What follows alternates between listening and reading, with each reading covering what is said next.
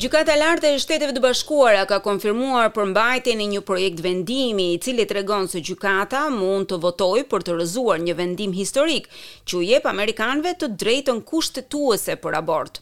Ndërsa opinioni publik për këtë çështje intensifikohet në të gjithë vendin, marshalli i gjykatës ka marrë urdhra që të nisë hetimet për të mësuar se nga ka dalë ky informacion për publikun.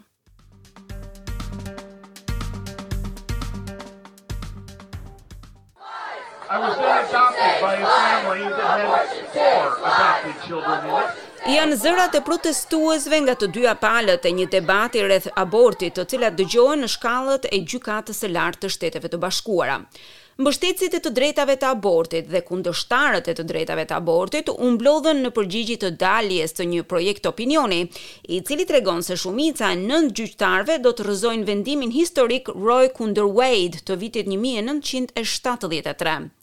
Vendimi legalizoi abortin gjatë tremujorit të parë të shtatzanisë në mbarë vendin. Mbrojtësja e të drejtave të abortit Chelsea White ka frikë se nëse rrëzohet ky vendim, shumë gra do të humbin të drejtat e tyre bazë.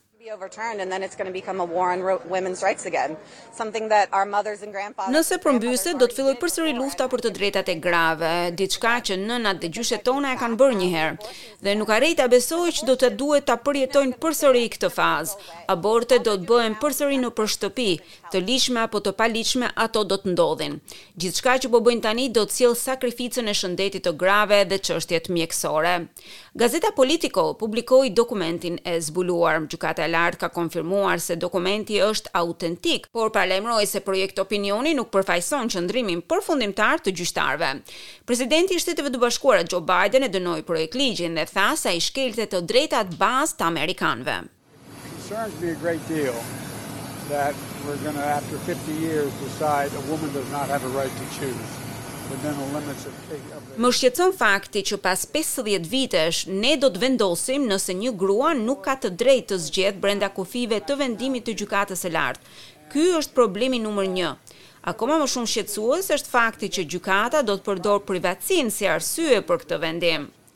Aborti mbrohet në të gjithë Federatën nga një vendim i gjykatës i quajtur Roe versus Wade.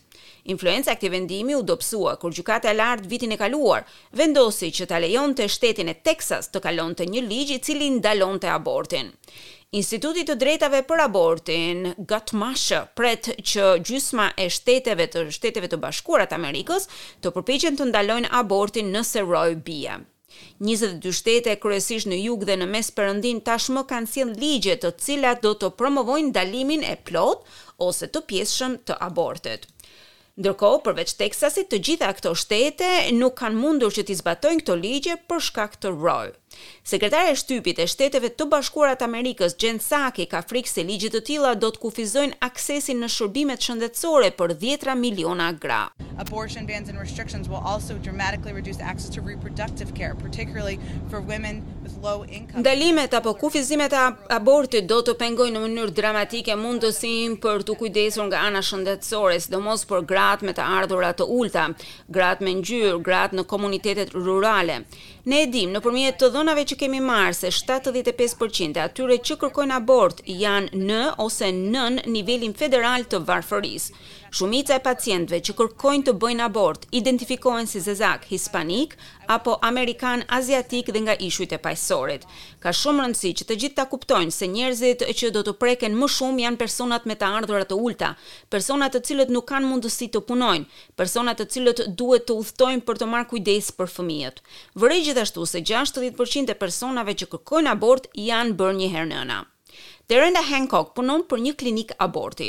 Ajo thotë se mungesa e abortit do t'i detyrojë shumë nëna që të lindin fëmijë, edhe pse nuk janë në gjendje që t'i rrisin ata.